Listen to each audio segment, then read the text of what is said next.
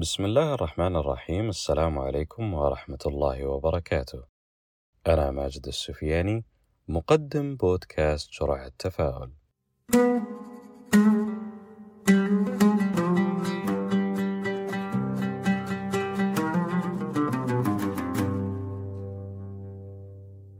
الخيبات المتكررة أو الظروف القاسية التي تواجه الإنسان هي بالتأكيد من المشاعر المؤلمة، خصوصًا عندما يفقد الأمل في تحقيق أمنياته وأحلامه، مما تجعل الاستمتاع بالحياة أمر صعب، وتنخفض معنوياته، وهذه الأمور تؤثر بشكل مباشر على جودة الحياة ومستوى الإنجاز والتطور ويجعلنا بنفسية سيئة إلى حد كبير.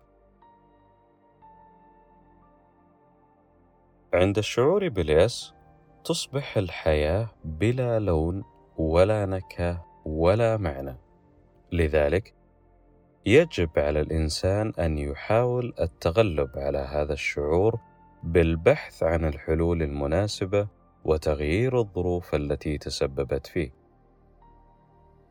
إن التفاؤل والإرادة القوية هما أفضل طرق لمواجهة اليأس والتغلب عليه. اليأس هو شعور شديد بالإحباط وعدم الرجاء والإيمان بإمكانية حدوث الأمور الجيدة.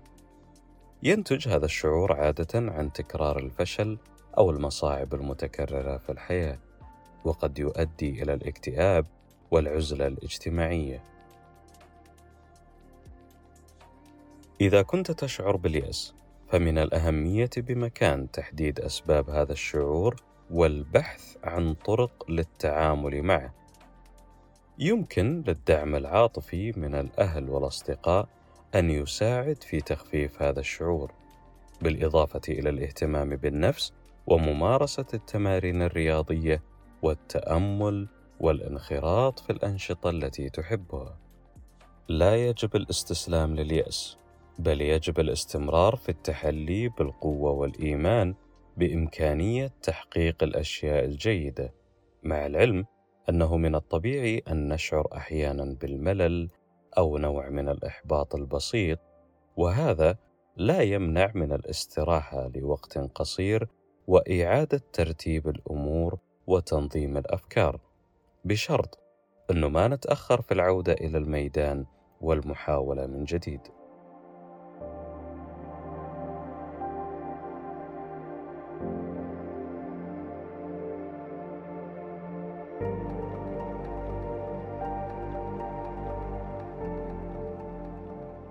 وبعيدا عن المثاليات والكلام المنمق الإيمان بإمكانية تحقيق الأشياء الجيدة يمثل دافعا قويا للاستمرار في التحلي بالقوة والمثابرة وهو ما يساعد في تفادي الاستسلام لليأس والإحباط.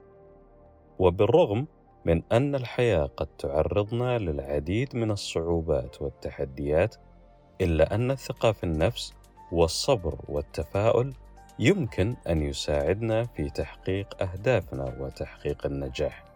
لذا فإن الاستسلام لليأس هو خيار غير مجدي ومحبط. بينما الاستمرار في التحلي بالقوة والإيمان بإمكانية تحقيق الأشياء الجيدة هو المفتاح لتحقيق النجاح والسعادة في الحياة بعد التوكل على الله عز وجل.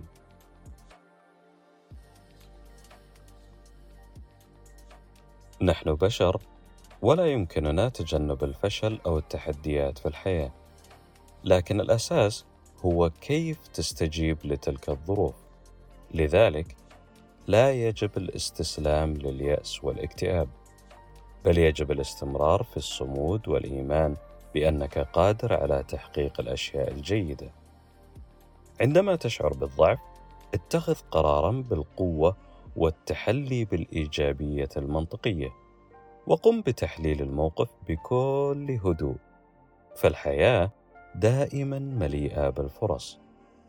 وإذا استمريت بالتجهيز والاستعداد لها وتجاوزت الصعوبات فستستكشف أن هناك الكثير من الأشياء الرائعة التي يمكن أن تحققها.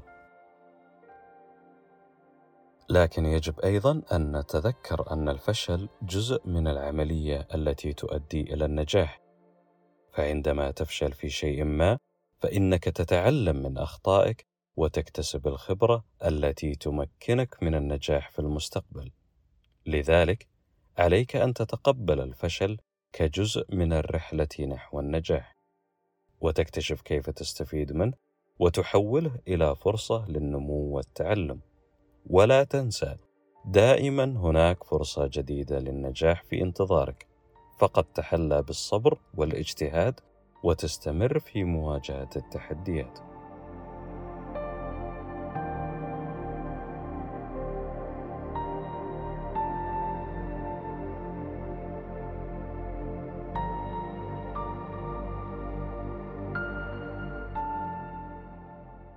في حياتنا يجب علينا أن نفهم أن الخطأ والفشل هما جزء من عملية التعلم والتطور.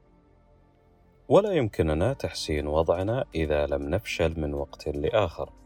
لذلك يجب الا نخشى الفشل وأن نتقبله بين الحين والآخر كوعكة على الطريق إلى النجاح.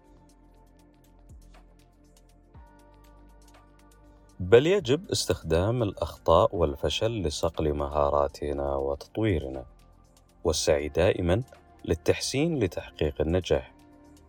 لا تفقد الأمل ابدا. دائما هناك فرصة جديدة للنجاح في انتظارك. فقط ابقى مصمما واستمر في المضي قدما وستصل في النهاية إلى المبتغى. في حياتنا يجب أن نتذكر دائما أن الخطأ ليس عيبا ولا يجب علينا الشعور بالذنب عندما نرتكب أخطاء بل يجب علينا أن ندرك أنه من خلال الأخطاء نتعلم ونستطيع أن نجد الطريقة الصحيحة للقيام بالأمور. وإذا كانت النتيجة ليست جيدة فلا بأس فالأهم هو معرفة الأسباب وتجنبها في المرات القادمة. يجب الاستفادة من الأخطاء وتحويلها إلى تجارب تعليمية من أجل التطور والنمو الشخصي. ولن يكون هناك أي تقدم دون مواجهة الفشل والأخطاء. لذا يجب الاستمرار في المحاولة وعدم الاستسلام بسهولة. بل علينا الاستمرار في سعينا وبذل قصارى جهدنا لتحقيق النجاح.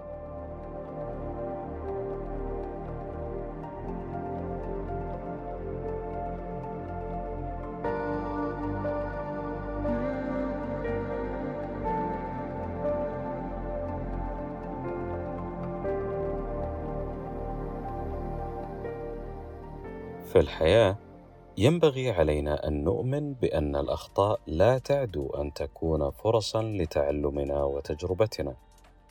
ولا يتوقف النجاح على ابتعادنا عن الفشل والأخطاء بل على العكس فإنه متعلق بقدرتنا على تحليل الأسباب والعمل عليها.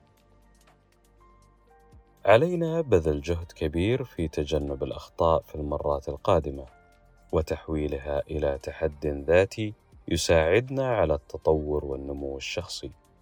لذا علينا أن نستمر في المحاولة وعدم اليأس أبدا.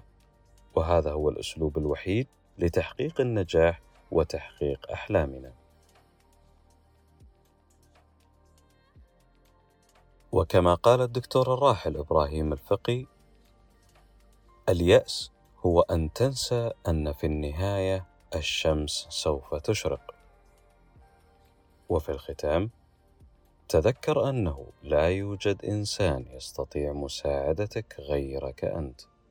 وأنا ماجد السفياني والسلام عليكم ورحمة الله وبركاته.